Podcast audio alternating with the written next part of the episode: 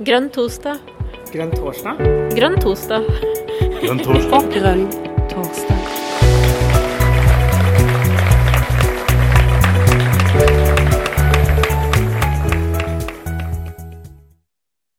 Velkommen til Grønn torsdag.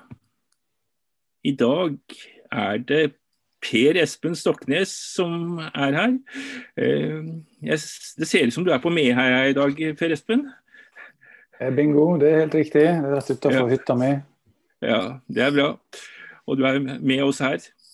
Ja, Så dette blir spennende. Skal du snakke om grønn vekst? Og du har kommet med bok. det stemmer. Ja. Nei, men da eh, er det vel bare å kjøre i gang. Ja, Du er klar du også, Jonas? Klar som et egg. Ja, veldig bra. Da gir vi ordet til Per Espen, og så snakker du 20 minutter, halvtime. Og så er det bare å hive seg på for de som har kommentarer og spørsmål og sånt noe eh, den siste halvparten av programmet. Vær så god. Tusen takk. Og veldig hyggelig å bli invitert igjen. Jeg tror det har blitt kasta ut av det selskapet jeg for godt til, som klarte å glemme helt at det Ja, jeg var faktisk oppe i en hytte her og fikk besøk, og plutselig var klokka borte. Det var veldig pinlig. Men um, nå har jeg fått en sjanse til, så skal jeg gjøre mitt beste. Og istedenfor å prate med bortom masse sull, så skal jeg gå rett på eh, fagtemaet. Og så se om vi har mulighet til å få eh, grønn vekst eh, mot eh, 2030 i Norge og i verden. Um, jeg håper at dere fortsatt kan se um, den sliden. som jeg har eh, Stemmer det? Hvis du tar fingeren opp, eh, Jon, dette ser bra ut. Grønn vekst i Norge mot 2030. Ja. Ser sånn også. Så jeg håper at dere ser meg der. Ja. Veldig bra. Så um, dette er jo på bakgrunn av at um, jeg først skrev denne boka om klimapsykologi. Hvorfor er det så vanskelig for folk å ta inn over seg at vi pusher kloden utenfor um, tålegrensene, særlig med hensyn på klima, men også selvfølgelig med naturmangfold og gjødsel og andre, andre um, tålegrenser også. Og um, en av de kapitlene jeg har i boka mi, handler om at eh, vi trenger en troverdig fortelling som vi har lyst til å strekke oss mot, og som oppleves felles for hele samfunnet. Og det er den fortellinga jeg har prøvd å favne med begrepet grønn vekst, selv om jeg også vet at det da tråkker på en del ømme tær i miljøbevegelsen. Men er ikke fordi vi er så veldig uenige, tror jeg, men fordi at um, jeg prøver å ta tilbake en begrepet. Vi er jo et grønt parti, og alt i naturen vokser på sin måte. Så hvordan vil vi, kunne vi få tilbake vekstbegrepet på våre premisser, slik at vi kan skape en sunn økonomi for det 21. århundret? Utgangspunktet for det hele er selvfølgelig at um, siden 1970-tallet iallfall, så har min kollega Jørgen Randers eh, kritisert vekst med 'limits to growth'. Og at uh, etter hvert som jeg har jobba med grønn økonomi og, og bruker ordet grønn vekst, så er det alltid noen som kommer opp til meg og påpeker at ja, men evig vekst på en begrensa klode, det er jo selvfølgelig umulig. Um, og kanskje aller tydeligst og med sitt uh, uimiterbare stemmeleie, skal jeg prøve likevel på hvordan David Attenborough formulerer det.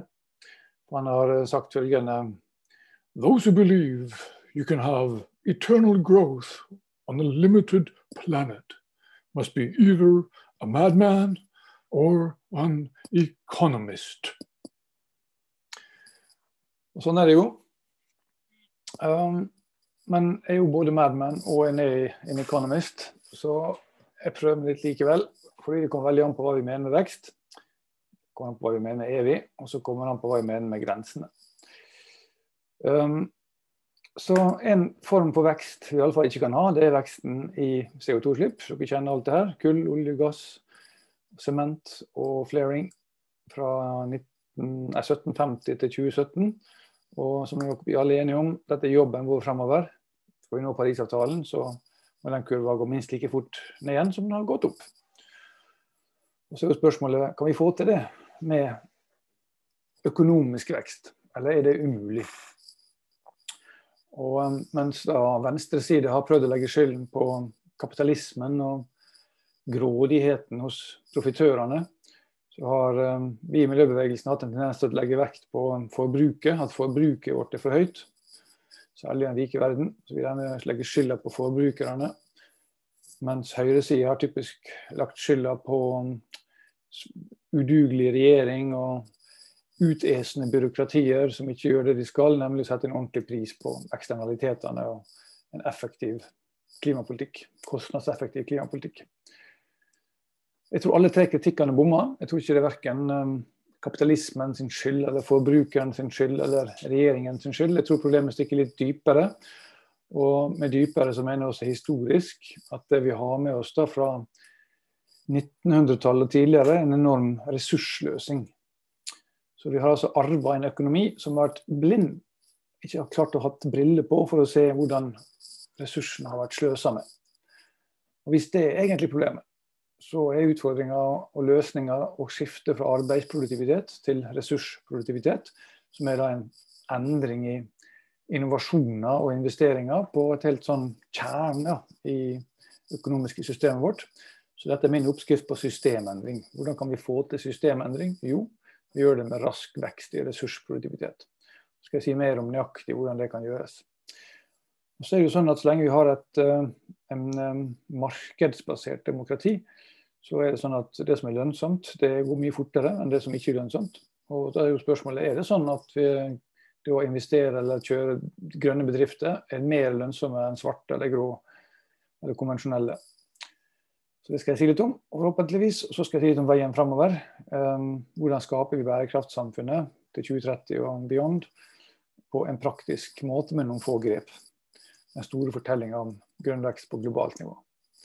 Så hvis vi da går litt inn på det som jeg mener er problemet, så går jeg tilbake til David Attenborough og mener at ja, han har helt rett. Hvis med vekst, evig vekst, så mener han for også sånn som Svein Hammer gjør, eh, grå vekst. Um, fordi den kurva her viser med all entydelighet uh, hvordan dette er en vekstmodell som er umulig å fortsette med. Hvis vi går tilbake til 1970, så var det ca. par og 20 gigatonn altså G er jo milliarder, sant? milliarder tonn. 80 milliarder tonn her. Uh, fra 1970 til 2015 da bykka vi 80 milliarder tonn ressurser som for å drive økonomien. Og det er biomasse, fossilt, metaller, malm og så mineraler. Da, med typisk betong og takstein og gipsplater og alt som byggematerialer. Og det denne kurva her viser med all entydighet, er at for å lage én dollar eller ti kroner mer i globalt BNP, så bruker vi typisk da én kilo mer materialer. Denne sterke sammenkoblinga mellom ressursbruk og verdiskapning, som da målt ved BNP, er definisjonen på grå vekst. Ti kroner mer, én kilo. Og sånn har det vært jevnt og trutt siden 1970 til 2015. Jobben vår framover nå det er å la det globale BNP kunne fortsette å vokse, særlig i fattige land. Fordi det er 70 millioner eh, ungdommer i Indonesia f.eks., og enda flere i India, Afrika sør for Sahara osv., som kommer til å trenge å kreve vekst. Um, de vil ha en um, gode liv også i forhold til levestandard. Så utfordringa vår å sørge for at det kan skje samtidig som at ressursbruken går dramatisk ned. Og boka mi er i stor grad et um, innspill om at dette er både mulig og ønskelig, og til og med lønnsomt og smart. Fordi å fortsette med den grå økonomiske veksten, det kommer med stadig økende kostnader. Engelskmennene sier det veldig enkelt. Uh, we produce the goods, but we also produce more of the bads. Og Til å begynne med, på 1700-1800-tallet, så var jo økonomien veldig liten, mens jordkloden var veldig stor. Men nå har det blitt omvendt. Nå har jorden blitt full av økonomisk aktivitet, mens naturen har blitt veldig liten. Da trengs det en ny form for økonomisk tenking som tar høyde for de nye knapphetsfaktorene. Fordi den økonomiske faget vi har fra 1800- og 1900-tallet, det forholdt seg ikke til knapphet i land, økosystemer, fysiske størrelser. De så hele verden kun gjennom prisbriller. Og Ved å se en verden gjennom pri prisbriller, så blir du blind for den fysiske materielle virkeligheten. Så Den uh, nye økonomiske tenkinga må begynne med et annet utgangspunkt. og Det er planetens tålegrenser.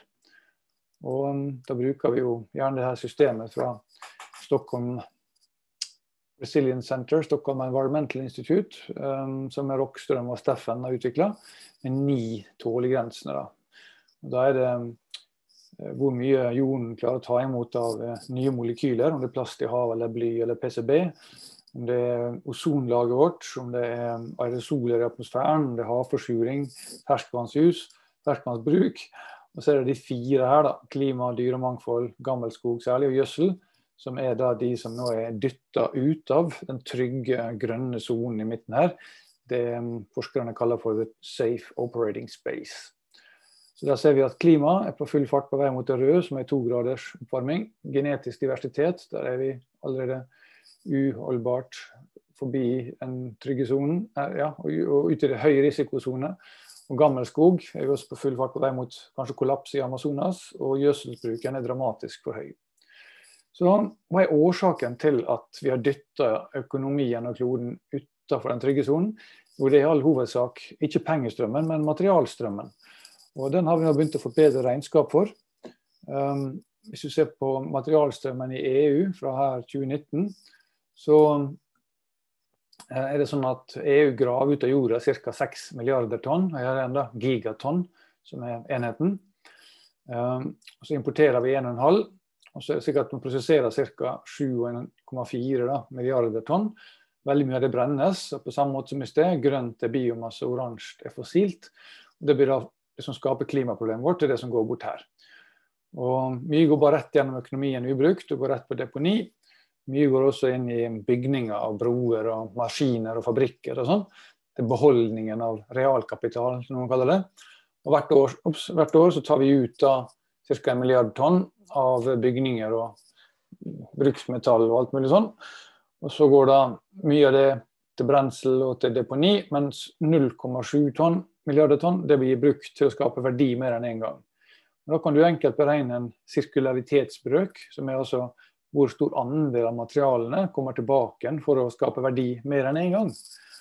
Og Her ser vi at det er 0,7 over 7, som er ca. 10 da. Så den europeiske økonomien er ca. 10% sirkulær, mens 90 det blir da til avfall og forurensning etter én eller ingen gangs bruk. Tar vi det tallet, 7,4 milliarder tonn, og dividerer det på antall europeere, som er 500 millioner mennesker, så blir det ca. 14 tonn per person per år. Og Dividerer vi det på 365, så er det ca. 40 kg per person per dag. Så innen jeg har lagt meg i dag, så vil da økonomien på mine vegne ha brukt ca. 40 kg med materialer. Og av de 40 kg så går 90% eller 36 kg da, tapt. Det blir brent eller havner på, til forurensning. Og bare 10% 4 kg blir gjenvunnet. Og av det mesteparten biomasse og mineraler, og så litt energi og litt metaller. Så det er altså masse sløsing. Men hvor er denne sløsingen her, da? For det er vanskelig ofte å få øye på det. Er ikke bare avfall vi snakker om, vi snakker om all materiale som går gjennom økonomien. Ikke bare det som blir kalt for søppel. Og denne, søppel, sløsinga, systematiske sløsinga, der finnes særlig i tre verdikjeder. Det er mobilitet, mat og bygninger. Den står for ca. 70-80 av ressursbruken. Halvparten av de ansatte, 51% av BNP og 63% av husholdningsbudsjettet. Som sagt, 90% av det går tapt etter én eller ingen gangs bruk. Og enda verre, av de 10 vi gjenvinner, så er halvparten um, av verdien borte. Fordi um, det er typisk skittent, innblanda med andre metaller, det er limt og gjør alt mulig annet som er satt sammen, slik at det er vanskelig å få verdi på materialbruken til andregangsbruk. Så det er hovedproblemet vårt, at økonomien er ekstremt, er designa ekstremt ressursløsende. Og Sånn sett så har ikke vi et klimakrise, vi har et designkrise. Vi har designa økonomien feil. Hva skal til for å designe den bedre? Jo, da må vi få rask oppskalering av innovasjoner. Og Det har skjedd før. Jeg går litt raskt gjennom det her. På 1700-tallet så kom den industrielle revolusjonen med dampmaskiner, vevemaskiner og spinnemaskiner. Det var mekaniseringsbølgen. Så kom en annen sånn disruptiv bølge som kasta alt i kull igjen. Eh, på 1800-tallet da var det stål i jernbane. Du fikk jernbanebaronene som ble superrike og til slutt måtte brytes ned av en antitrust-lovgivning. Og så kom da på 1900-tallet um, masseproduksjonsparadigmet med Henry Ford og samlebåndet, så biler ble masse, masseprodusert, også ved hjelp av strøm og ny kjemi, som ga bl.a. gjødselsproduksjon. Og så kom da elektronikk basert på transistoren etter andre verdenskrig. Og på slutten av bølga her så var IBM verdens største selskap. Og så kom internettbølga. Hvor da vi får informasjons- og kommunikasjonsteknologier med mobiler og nettbrett og Web 2.0 og Facebook og Amazon og alt det her som vi nå kjenner altfor godt. Og På slutten av denne bølga her så er den dominerende. Nå kommer vi i en sjette bølge som er basert på ressursproduktivitet, som er drevet av fornybar energi og er sirkulær. Hovedforskjellen på bølge 1, 2, 3, 4, 5 sammenlignet med nummer 6 er at alle tidligere hadde mest fokus på arbeidsproduktivitet, mens den sjette bølga har en annen innovasjonslogikk.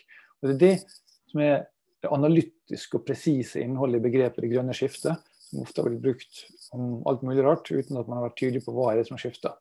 Og Skiftet består i en endring av innovasjonslogikk fra å maksimere arbeidsproduktivitet til å maksimere ressursproduktivitet.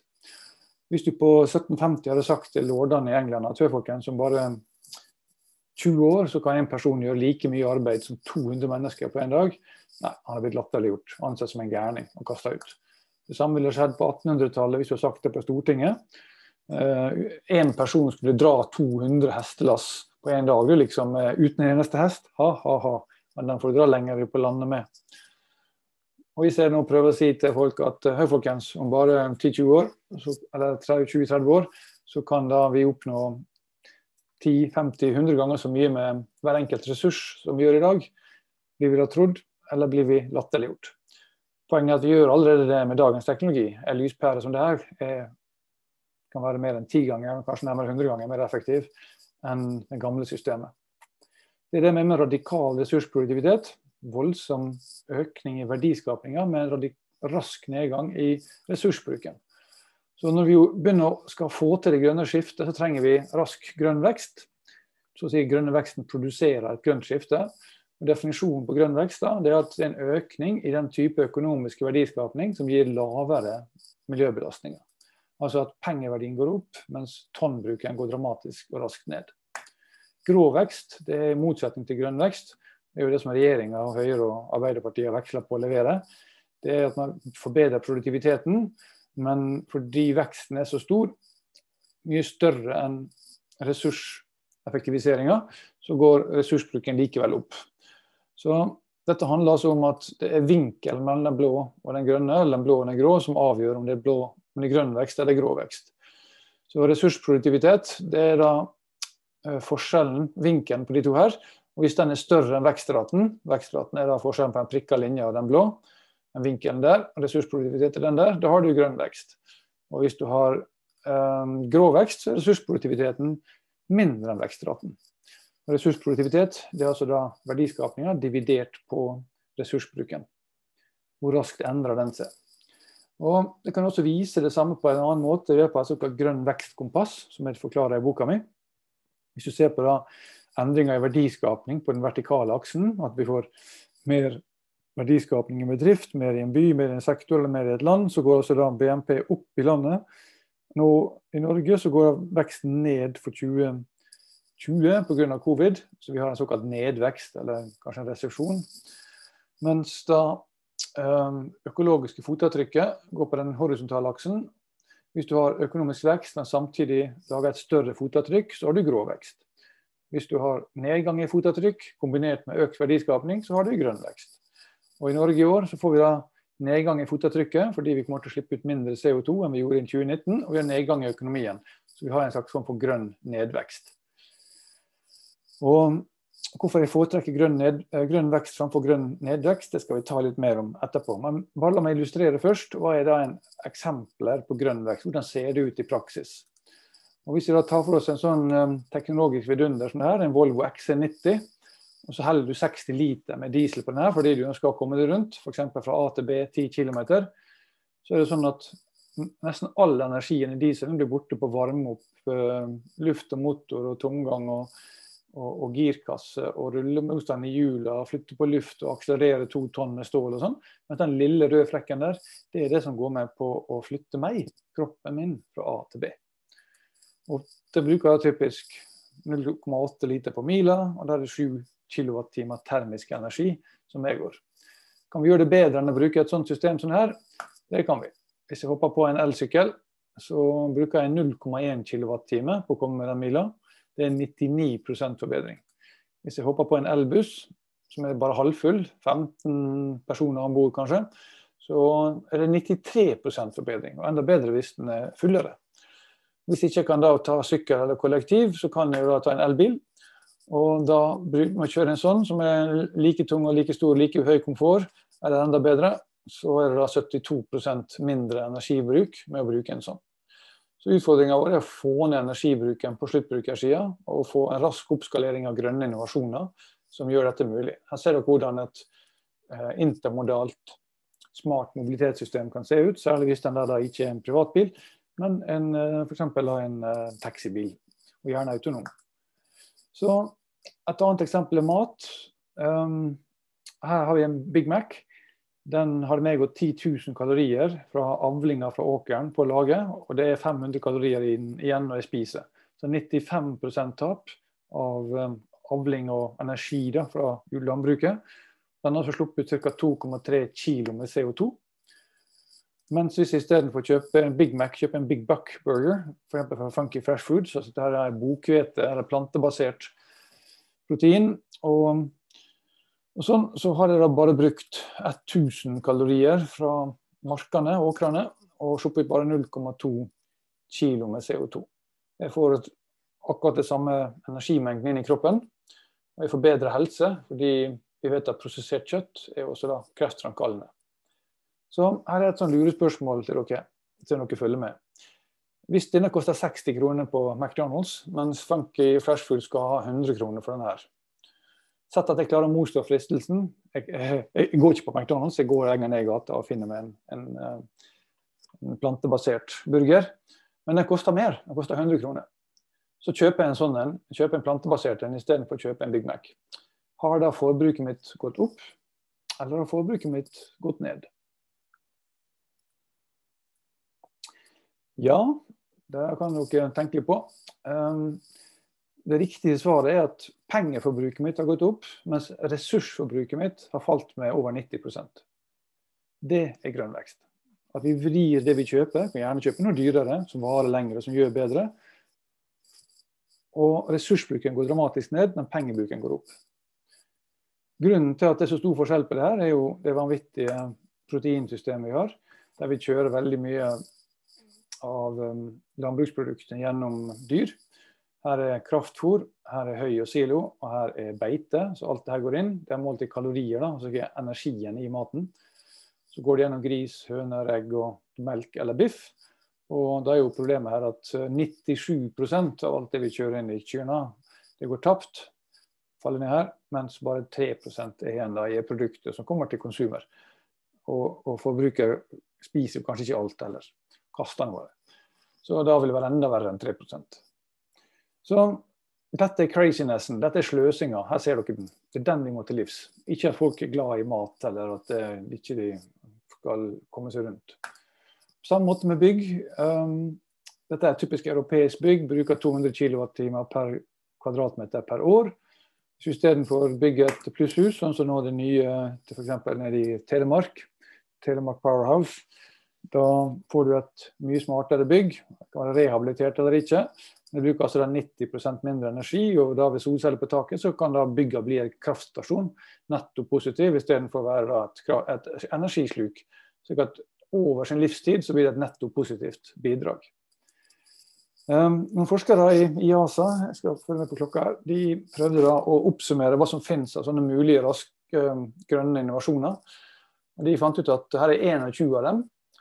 Og Hvis vi da putter alle de innovasjonene her inn i modellene deres og sier at nå skal EU og verden ta i bruk alle de her innen 2040, og i alle fall innen 2050, altså at man går fra 0 til over 80% markedsandel, ja, da er det nok til å senke energiforbruket så mye på jordkloden at vi når 1,5-gradersmålet vårt.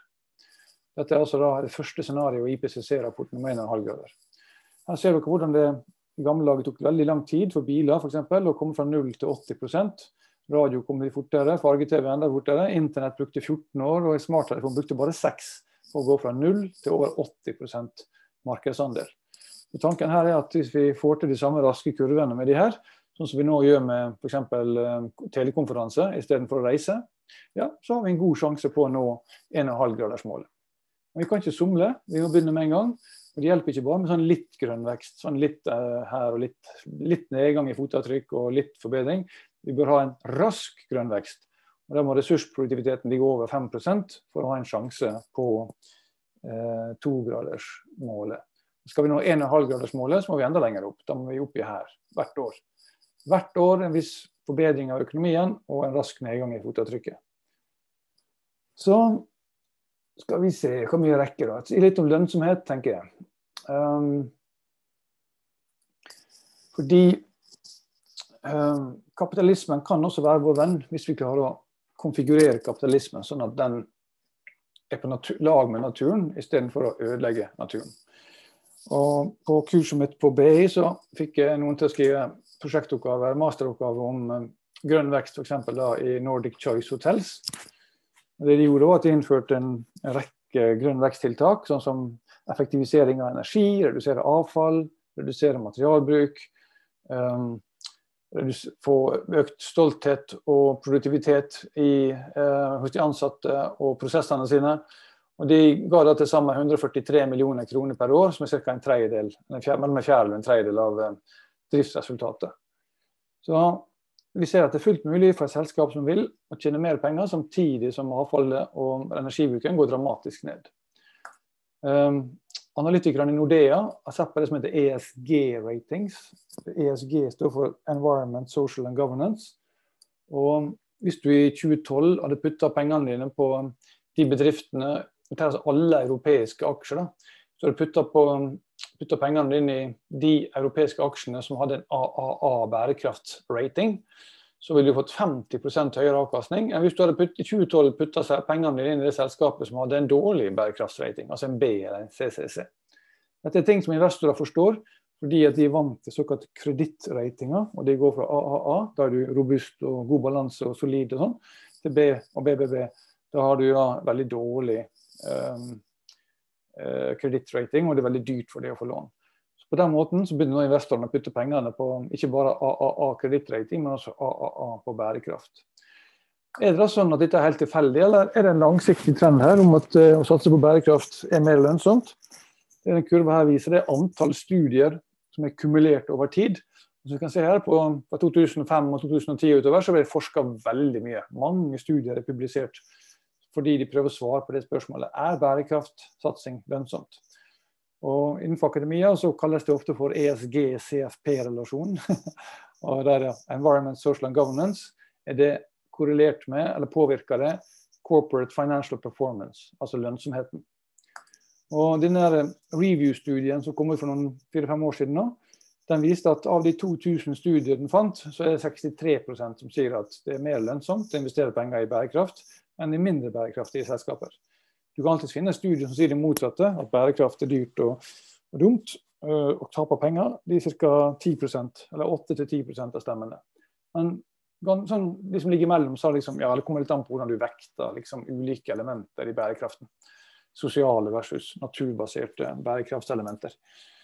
Men hovedpoenget er iallfall at, øh, at um, ca. 90% av studiene finner en ikke ikke negativ relasjon. Med andre ord, det er i alle fall ikke et tap å putte pengene på bærekraftige aksjer. Og i 63% av tilfellene er det en sterk fordel. Det har investorer skjønt. Verdens største investor heter BlackRock. Og de er nå tydelige på at uh, dette her med klimarisiko, det er en investorrisiko. Og jeg var en tur i Ecuador her i januar og var veldig ute av verden og kom tilbake til Norge i februar. og Da så jeg at Dagens Næringsliv hadde bikka over. De hadde konvertert.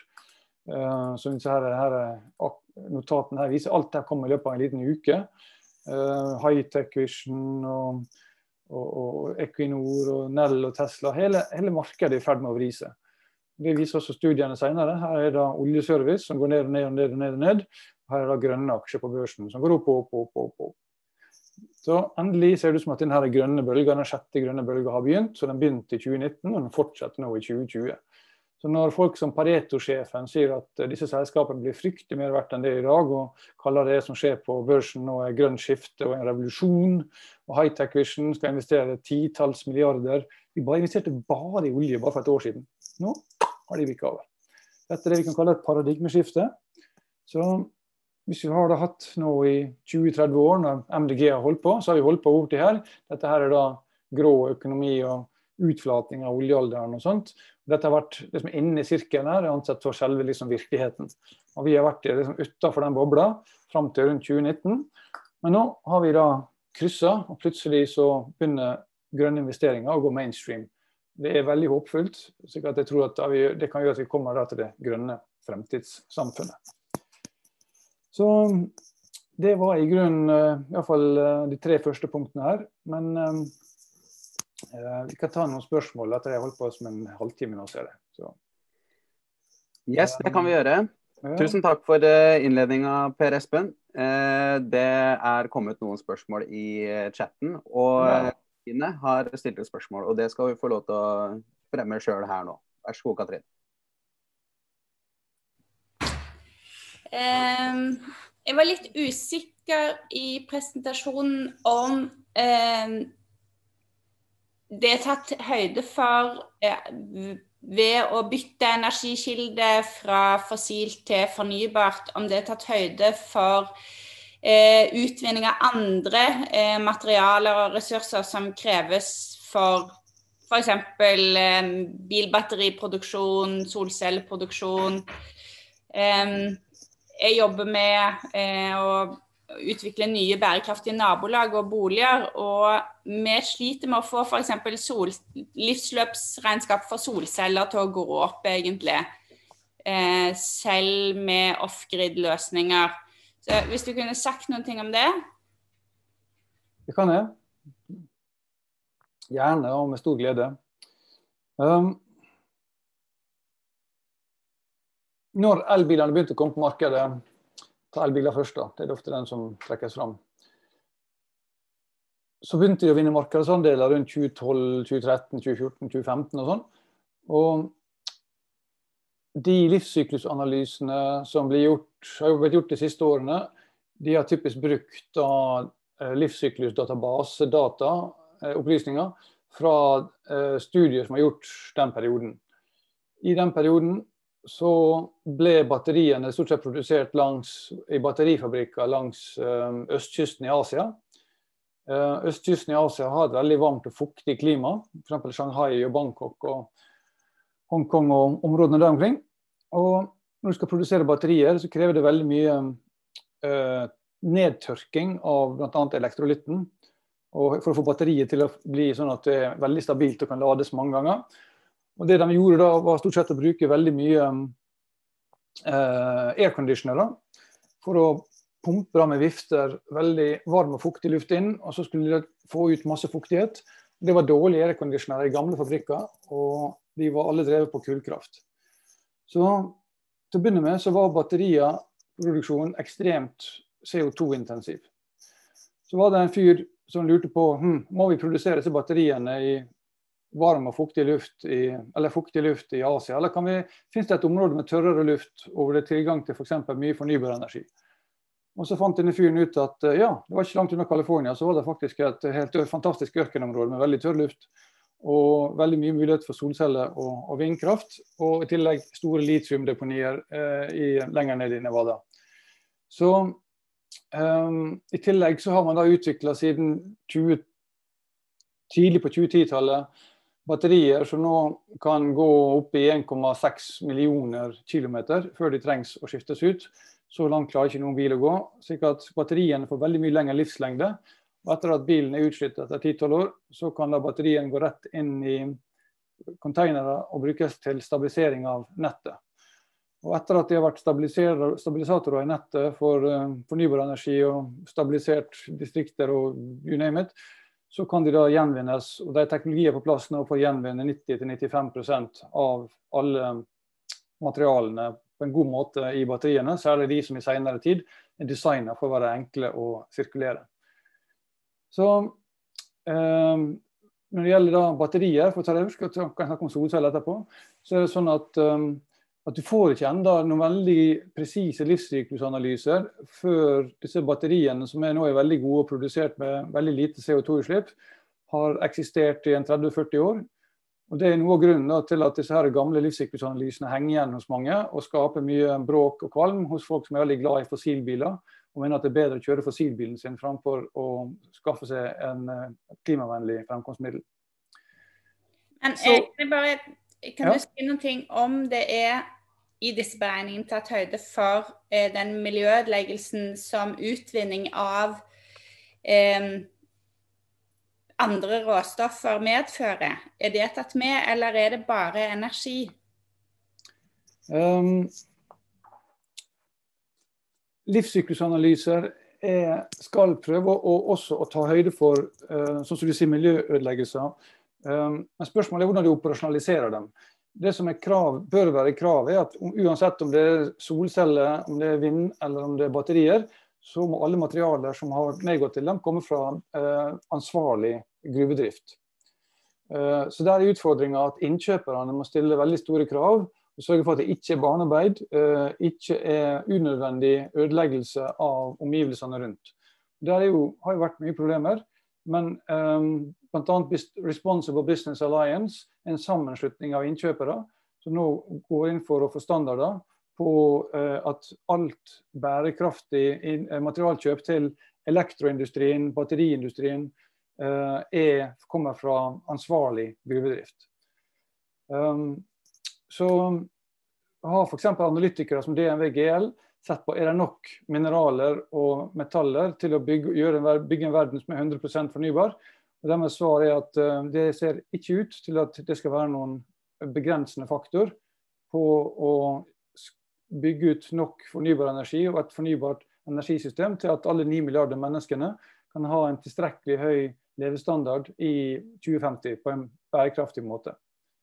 Men det er klart, du kan gjøre dette på en grusom måte, sånn som nikkel fra eh, Minsk.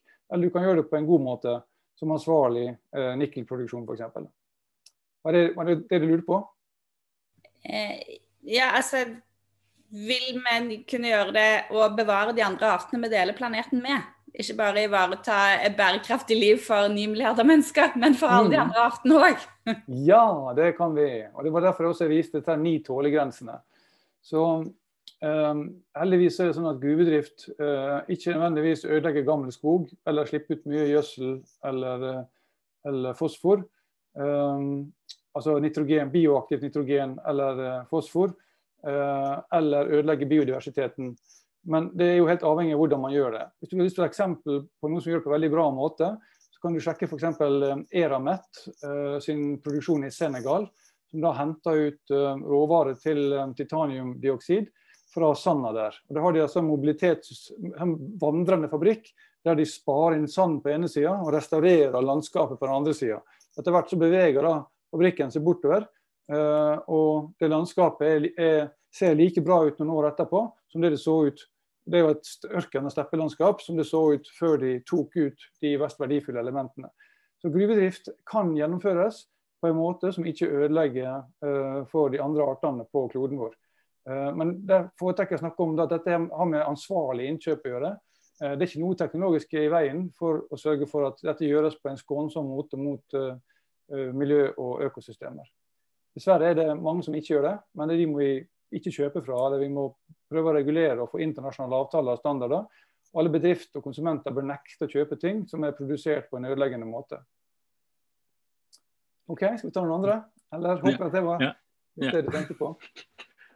Takk, Katrine. Eh, og dette er bra. Eh, det er flere som har kasta seg på her. Eh, André Helgestad, du hadde et spørsmål. Ja. Takk for presentasjonen. Det er alltid like gøy. Um, det gjør meg nesten litt optimistisk. Uh, så det er gøy å høre. Uh, bare, jeg, jeg, deler ikke optimismen like mye allikevel. Men Uh, mitt spørsmål handler egentlig om hva målet for økonomien vår skal være. Nå studerer jeg systemteori på Alto universitetet, og der uh, har, har bl.a. Randers vært med å bidra til at det eksisterer. Men allikevel så er liksom spørsmålet mitt der, Bør målet for økonomien vår være å ha grønn vekst, siden du skiller mellom grønn og grå vekst? Du bruker grønn vekst veldig liberalt. Eh, det offisielle policydokumentet pleier ikke å skille på det på Du snakker om økonomisk aktivitet isolert sett. At enkelt, enkelte økonomiske aktiviteter er, er grønn vekst. Eh, men vanligvis når vi snakker om vekst, så snakker vi om eh, samfunnet som en helhet. Eller sånn Skjønner du hvor jeg vil hen? Ja, jeg tror det. OK, vi gir deg en sjanse. Ja, så fint. Først vil jeg svare på det første spørsmålet ditt. Er det sånn at grønn vekst er målet for samfunnet? Eh, eller målet for økonomien vår? Og der vil jeg svare nei. Absolutt ikke. Eh, målet for økonomien vår bør være eh, livskvalitet for flest mulig mennesker, men også flest mulig da, andre arter. Så Der er dypøkolog og gjerne går fram med Arnes av selvrealisering som først dypeste maksime, med utropstegn etter og en stor S. Det er selv, det økologiske selve, ikke det individuelle, det lille selve. Um, og så um, snakker jeg om, om, grønn vekst, ja, sånn du sier, om ulike aktiviteter. Um, fordi jeg tror på at vi kan få til en systemendring ved at den grønne veksten begynner på en måte som bobler i økonomien. Grønn vekst her, grønn vekst der, grønn vekst der. Og så etter hvert, da, Hvis den vokser raskt nok, hvis du har en raskt voksende grønn vekst, så vil den grønne veksten utkonkurrere den svarte veksten. Det er det som skjer nå f.eks. med Tesla.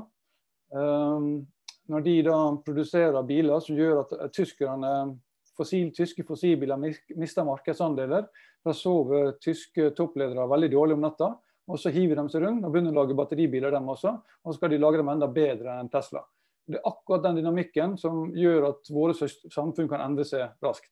Et annet eksempel er Tyson, verdens største kjøttprodusent. Ehm, de hadde fine dager inntil Bynd, altså Beyond Meat, kom på markedet. Og så gikk eh, Bynd-aksjen seksgangeren, mens Tyson sin aksje gikk ned. Eh, og da fikk de kalde føtter. Og hva gjør de? Jo, de begynner å se på trykket på kjøttet sitt, og så begynner de å lansere planteburgere sjøl. Det hadde de aldri gjort hvis ikke Bind eller Beyond Meat hadde vært og pusha på dem. Så ved at grønn vekst begynner i et sted hos en aktør, et punkt i markedet, så vil det ved spre seg og utkonkurrere den grå veksten. Og da vil det gå fra mikronivå opp via sektornivå til det kommer på landnivå. Og så må vi ha det på verdensnivå. Vi trenger en grønn vekst på verdensnivå for å ha en sjanse på Parisavtalen. Så Jeg vet ikke om det var det du lurte på. Jeg ser du holder fingeren i været. Det var akkurat det jeg egentlig lurte på. Men da kommer jo egentlig det oppfølgingsspørsmålet som er litt nyttig. da. Liksom, hvor mye må vi eh, avkoble da, i året for å faktisk nå dette Paris-målet? Fordi altså, Studier fra Bonvuren og osv. viser jo at vi faktisk trenger opp til altså, For å nå 1,5-gradersmålet, mm. med den vekstraten vi har i verden, i hvert fall fra 2010 til 2014, 3% i året, eh, så må vi avkoble økonomien vår på over 10% i året. Mm. Det, er ganske, det er ganske mye. Eh, vi, det krever liksom full institusjonell og altså, Vi snakker ganske ekstrem radikal endring veldig fort. Um, så ja, det er bare å brette opp ermet, holdt jeg på å si. Ja. Um, de tallene er litt avhengig av hvem du spør og hvordan du regner på karbonbudsjett. Med stor, hvor stor um, sannsynlighet skal du nå 1,5-gradersmålet eller 2-gradersmålet. Uh, og om du legger det i øvre eller nedre andelen av usikkerhetsrommet innenfor den sannsynligheten. Um, jeg bruker uh, P2-P3-scenarioet i IPCC sin 1,5-graders rapport. Og den som lurer på kan ta en titt på side 108 i IPCC-rapporten. Eh, og enda opp med at det er 7% som er nødvendig, og ikke 10% som er nødvendig. Eh, men det må være snittet da, for all økonomisk aktivitet i alle land over hele verden. Og Hvis du da mener f.eks. at rike land bør gå foran, så bør rike land ligge over 7 for å hjelpe de andre til å, dra dem også litt opp, da, som har lengre, litt lengre tid. Men jeg har en veldig dynamisk modell der. slik at Hvis India for eksempel, vokser med la oss si 7% per år, og klarer å holde fotavtrykket sitt stabilt, så deltar de også i løsninga. De behøver ikke redusere fotavtrykket sitt Eh, men de kan, så lenge de vokser med 7% så vil de være med å dekarbonisere verdensøkonomien. Og på samme måte, Hvis Norge ønsker å ha en nedvekst, så er det fritt fram for meg. Men jeg tror at det vil slå tilbake igjen. Um, derfor mener jeg at denne kvadranten her nede, er litt nedgang i BNP og rask nedgang i fotavtrykk. Det vil være å anbefale for min del i, for, for, Norge. Men jeg tror at vi i forhold til investeringer i de smarte løsningene, det vil gå ned, arbeidsledigheten vil gå opp. Og folk blir misfornøyde. De får gule vester og trumpisme og Trygve Slagsvold Vedum og alt som er fælt. Uh, og Derfor anbefaler jeg at vi har en beskjeden økning, moderat verdiskapningsvekst i Norge som helhet, med en veldig rask nedgang i fotavtrykket. Det driver vi modellerer nå et, en rapport for å se på hvordan vi kan gjøre det med særlig i offshore energisektoren vår. Da. Så kommer vi med en rapport om det litt senere. Så Var det svar på det du tenkte på? Så skal jeg stoppe skjer her. Yes. Eh, takk for godt spørsmål og et godt svar. Eh, vi har fått inn et spørsmål fra Bjarte Slettebø eh, som jeg skal referere. og det er eh, kan du si litt mer om hvilke politiske virkemidler du ser for deg kan slash bør brukes? Ser du for deg klimabelønning som et virkemiddel? Ja. Klimabelønning synes jeg er et fantastisk virkemiddel. Vi burde kjøre det opp og fort så mye vi kan. Um, problemet er selvfølgelig at uh, mediene henges opp i den fem eller ti kroner vi vil legge på hver enkelt liter med bensin, istedenfor å fokusere på at de pengene kommer tilbake igjen. Så vi krever en knallhard kommunikasjon for å få fram at dette er en gevinst og ikke noe tap. Når det gjelder annen politikk, så ja, men alt som vi har i alternativt statsbudsjett MDG, er tilhenger av. Jeg syns uh, alternativt statsbudsjett er et av de mest uh, underkommuniserte og faglig tunge og begeistringsfulle tingene vi har. Så um, all politikken som MDG har lansert på Stortinget, setter frem som et måte å oppnå det her på. Så jeg vet ikke om det, altså Alt fra gründerpolitikk til uh, høyere CO2-avgifter til å slutte å gi nye lisenser og fjerne oljesubsidier. Um, uh, redusere ulikhet med å sørge for at uh, barnefamilier og sånt får økt støtte, samtidig som du tar øker bomavgiftene. Um, den type um, politikk som da sørger for at vi tar to fly i ett smekk, altså mindre utslipp og mindre ulikhet samtidig som du stimulerer til nyskapning og nye jobber. Så ja, jeg tror det var, det var kort og greit den. Andre? Takk. Det strømmer på her. Eh, Så fint. Ja. Jørgen, eh, er du på? Skal du stille spørsmål? Uh, ja, takk. Uh, tusen takk Per Espen for et veldig positivt Veldig godt å høre noen som tror på løsninger og presenterer løsninger, og som snakker overbevisende om de gode løsningene. Så det er veldig positivt. Eh, men eh, det var jo eh, noen som ikke var så veldig positive for en tid tilbake. Michael Moore og en, en filmskaper som kom med en litt kontroversiell film hvor de ja, kanskje i hvert fall det hovedbudskapet jeg satt igjen med, er at den energibruken man må legge i å produsere all den grønne teknologien som skal gi oss grønn energi, den innebærer så mye fossil energi at eh, regnestykket ikke går opp. Jeg bare lurer på om du har noen kommentar til det? Masse, selvfølgelig. um, det som er viktig, det er at um, vi er inkluderende i forhold til de milliardene av mennesker som ikke sitter og har dagens europeiske eller norske levestandard, men veldig gjerne vil ha den. Men at vi gir, folk, gir dem tilgang til den muligheten på en miljøvennlig og bærekraftig måte. Og Da skal jeg dra et lite svar her til det ved å fortelle litt om hvordan vi gjør dette på en troverdig måte. Og med det et konstruktivt svar, så slipper jeg å bruke tida på å rakke ned på Michael Moore. For det fortjener han. Men uh, først og fremst trenger vi et konstruktivt svar. Det er mye Michael Moore har gjort som er bra. Så sett at vi har da 9 milliarder mennesker i 2050, og alle de ønsker å ha nok fornybar energi til verdig liv. Mange mener at det er umulig. Eh, jeg mener at det er fullt realiserbart. Og måten å gjøre det på er at vi eh, fortsetter å gjøre det vi gjør nå, men som folk bare gjør narr av. Eh, nemlig mye mer fornybar energi må installeres hvert år folk har vanskelig for å forstå eksponentiell vekst. Til å begynne med så skjer det veldig lite. I 2006 og 2007 og 2009 og 2011 og sånt, så bare lo folk av vind og sol. Bare tull. Bare tull. Ha-ha-ha! Det er ikke en prosent av verdens energibehov. Hva skal vi med det tullet? Men man må forstå eksponentialitet for å skjønne hvordan samfunnet forandrer seg. Det det hver bølge består av. Og Det man ikke har merket til, er at fra 2006 til 2020 um, så fikk du da fem doblinger av installert fornybar kapasitet per år.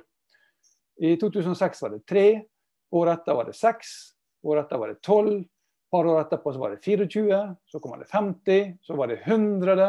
Unnskyld, øh, 78 der og 100 Unnskyld, nå gikk det surr her. I alle fall 300 ca. gigawatt ble installert nå i løpet av 2020. Så vi har tatt fem doblinger i løpet av 13-14 år. Hvis vi bare gjør tre doblinger til i løpet av de neste 20 åra, så går vi fra 3 til 6 til over 1200. Og da, hvis du installerer over 1200 gigawatt med fornybar kapasitet per år, fra 2037 og utover, hvis du holder det nivået, så har du da sørga for at hver enkelt av de her får seg det de trenger, nemlig ca. 10 000 kWt per person. Um, og da er det sånn at 2500 kWt holder til transport. 2500 kWt per person holder til komfortabel innetemperatur, nedkjøling oppvarming. Og 5000 kWt til produksjon av klær, mat og gadgets og alt vi ellers trenger. Så er jo spørsmålet ja, er det realistisk og går det an å kjøre et, en verdens energisystem på fornybar energi. Da må vi se på modelleringa og kjøringa. Iallfall helt sikkert at det nå har blitt billigere. Siden november 2019 så blir det da billigere å bygge sol og vind enn det å bygge kull, forny, uh, atom, gasspiking. Og til og med de mest, mest effektive gassturbinene må gi tapt. Det blir snart billigere å bygge ny sol enn å drifte et kull- eller et atomkraftverk. Og Hvis du legger det til grunn, så vil du se en enorm vekst i sol.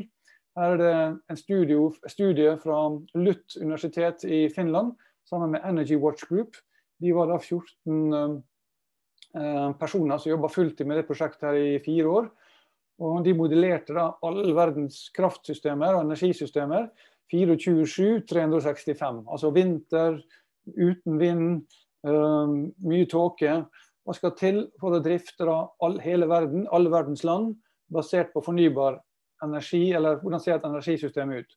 Og det de finner er at Du kan fase ut kull, som er svart her. Du kan fase ut gass, som er mørkeblå her. Og du kan fase inn spesielt sol, da, og også mer vind, som er eh, lyseblått. Og så ser vi at Hvis vi bare fortsetter med den doblinga jeg snakka om, så vil du ende opp da med et sted oppi mellom 50 til 80 installert, 1000 installerte gigawatt-timer. Um, så svaret til Michael Moore er at vi kan ikke bare gjøre én ting, vi må gjøre fem ting samtidig for å løse klimakrisen vår på 30 år. Og det er jeg ta en sånn da. Det er, første vi må gjøre, er at vi må få all ny energi fra fornybare energikilder. Da tenker jeg selvfølgelig geotermisk tidevann i tillegg til sol og vind og, og, og eh, vannkraft. Så må vi elektrifisere all transport. Når vi elektrifiserer all transport, så faller energibehovet dramatisk. Det gjør det også når vi bytter ut gass, kull og olje brukt til oppvarming og nedkjøling med bedre isolasjon, smartere styringssystemer, drevet varmepumpe på fornybar el. elektrisitet. Så er det sånn at Selv om vi gjør alt det her, så er det bare nok til å kutte 70% av CO2-utslippene. Resten ligger i mat og i industriproduksjon. Så da må vi ha et regenerativt hav og landbruk, slik at vi bygger opp igjen tang- og tareskog, tareskogene i havet. Og vi bygger opp igjen karboninnholdet i jord. Og til sist, alle materialer vi tar, og vi sørger for å komme tilbake igjen. Og når vi resirkulerer dem, så gjør vi det med på fornybar energi. Gjør vi de fem grepene her, så går utslippene gå til null Først til 70% med de tre første, og så mot null i 2050. Og bærekraften og antall jobber vil gå i været. Så dette da vil gi et energidemokrati til 9 milliarder mennesker, som alle kan leve godt innenfor tålegrensene til én planet. Hvor kommer disse nye jobbene hen? Ja, La meg dra et par eksempler. da. Hold dere fast. Vi trenger nye energijobber. Ikke bare havvindingeniører, energidataanalytikere, smartnettbalansering og sjeldne metallaggregater og batterigjenbrukseksperter, solpanelinstallatører, solpanelinspektører, solpanelgjenvinnere, elbilmaterialgjenvinnere, finans- og grønne obligasjonsrådgivere som får dette til å snurre rundt. Det er bare én jobb. Eller ett område. Materialjobber. Vi trenger folk som kan materialdatabaser. Vi trenger folk som kan materialsertifisering, slik at de kan unngå dårlig gruvedrift. Apropos, godt spørsmål. Vi trenger materialflytsanalytikere, slik at vi kan optimalisere strømmen på hele systemet. Altså materialstrømmen på hele systemet. Vi trenger folk som kan lage sertifikater til eh, produkter. Vi trenger livssyklusanalyserådgivere og blokkjedeeksperter som kan tracke materialer i sanntid.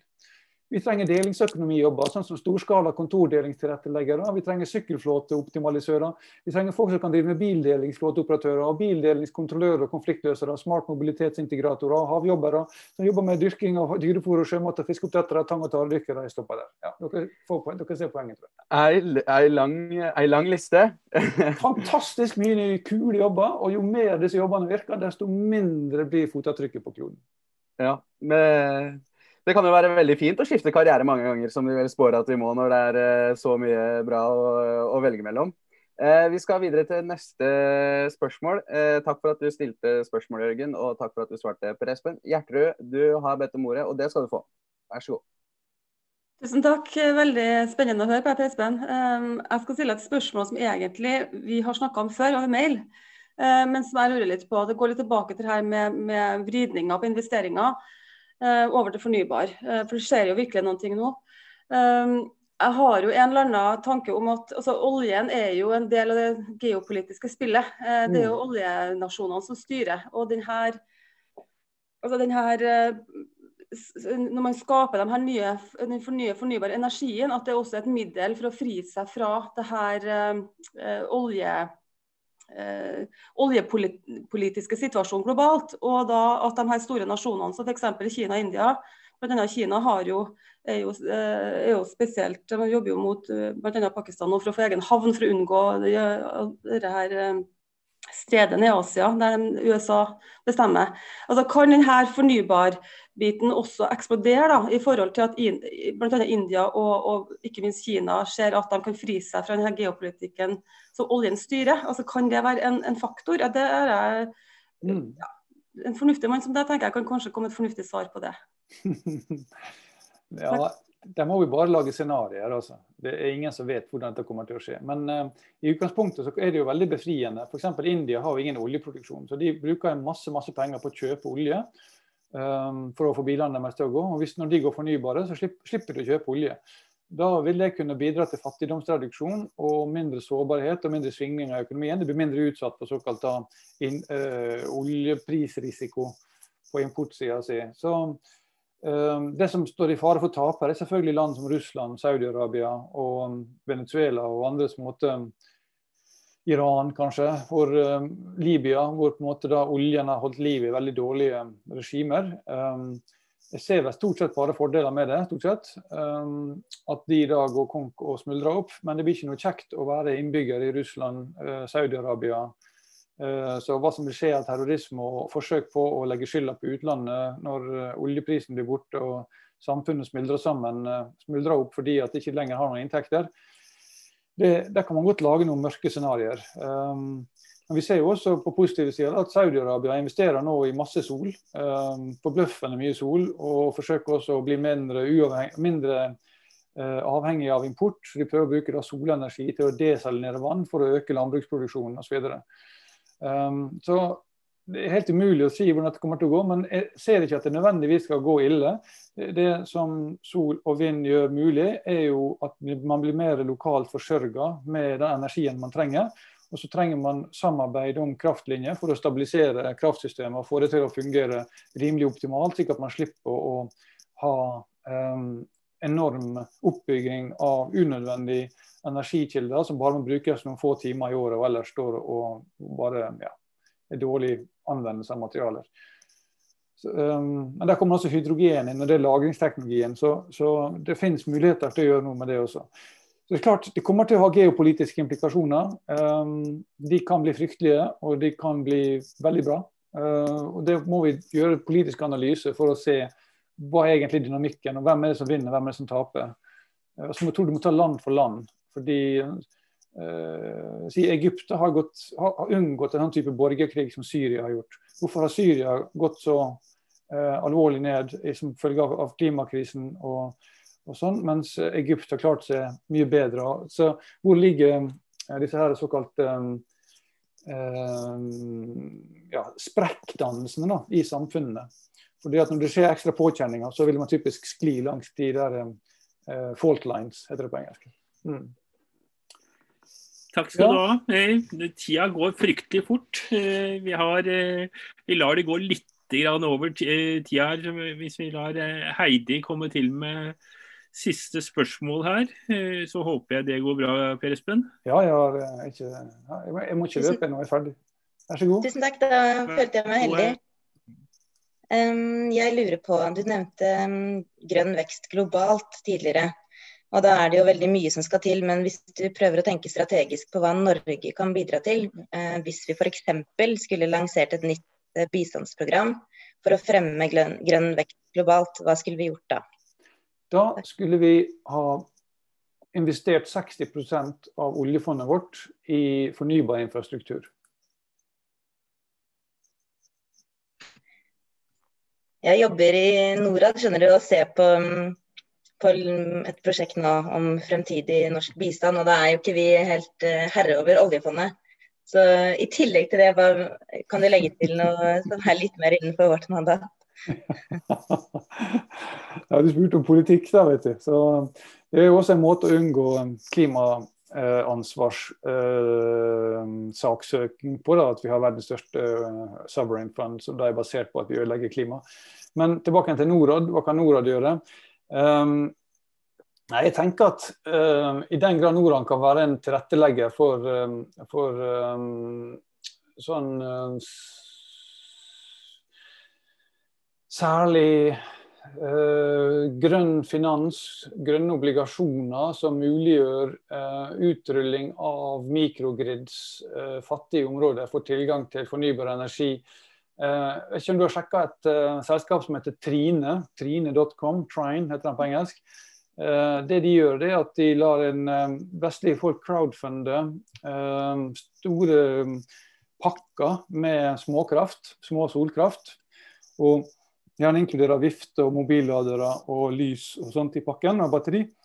Og så kan da folk bli kvitt eh, parafinlampene sine ved at de får eh, solceller. Og mm, da kan de betale ned denne pakken gradvis ved den inntjeninga de har på å la være å kjøpe parafin. Det er en fantastisk eh, forretningsmodell. Den er fremdeles mulig. Det er ikke vel full milliard ennå som ikke har strøm, men det er ganske mange som trenger bedre mikrogrids rundt omkring. Og mm. Det Trine gjør, er å aggregere folk. og Hvis Norad kunne være en, en samarbeidspartner med type sånn Trine og den type initiativer, så mm. kunne vi fått kommet mye lenger mot et energidemokrati. Og kvinnene får da særlig eh, bedre tilgang til utdanning og jobber. Og det er vi også med på å løse populasjonsproblemet. Så dette har da en eh, fantastisk sånn um, multiplikatoreffekt. Så hvis mm. Norge kan være en stor pådriver og hjelp sånn som vi for så vidt er gjennom selskaper som Brighter Products og, og Brighter, Light, Brighter Life heter dem, også Bright Products og, og Scatec Solar med flere på ulike nivåer. Og mm. at Norad hjelper til å, å sy dette her sammen. Så tenker jeg at Det er en eh, fantastisk bidrag Norge kan bruke, og med, også med våre finansielle muskler. Ja, takk.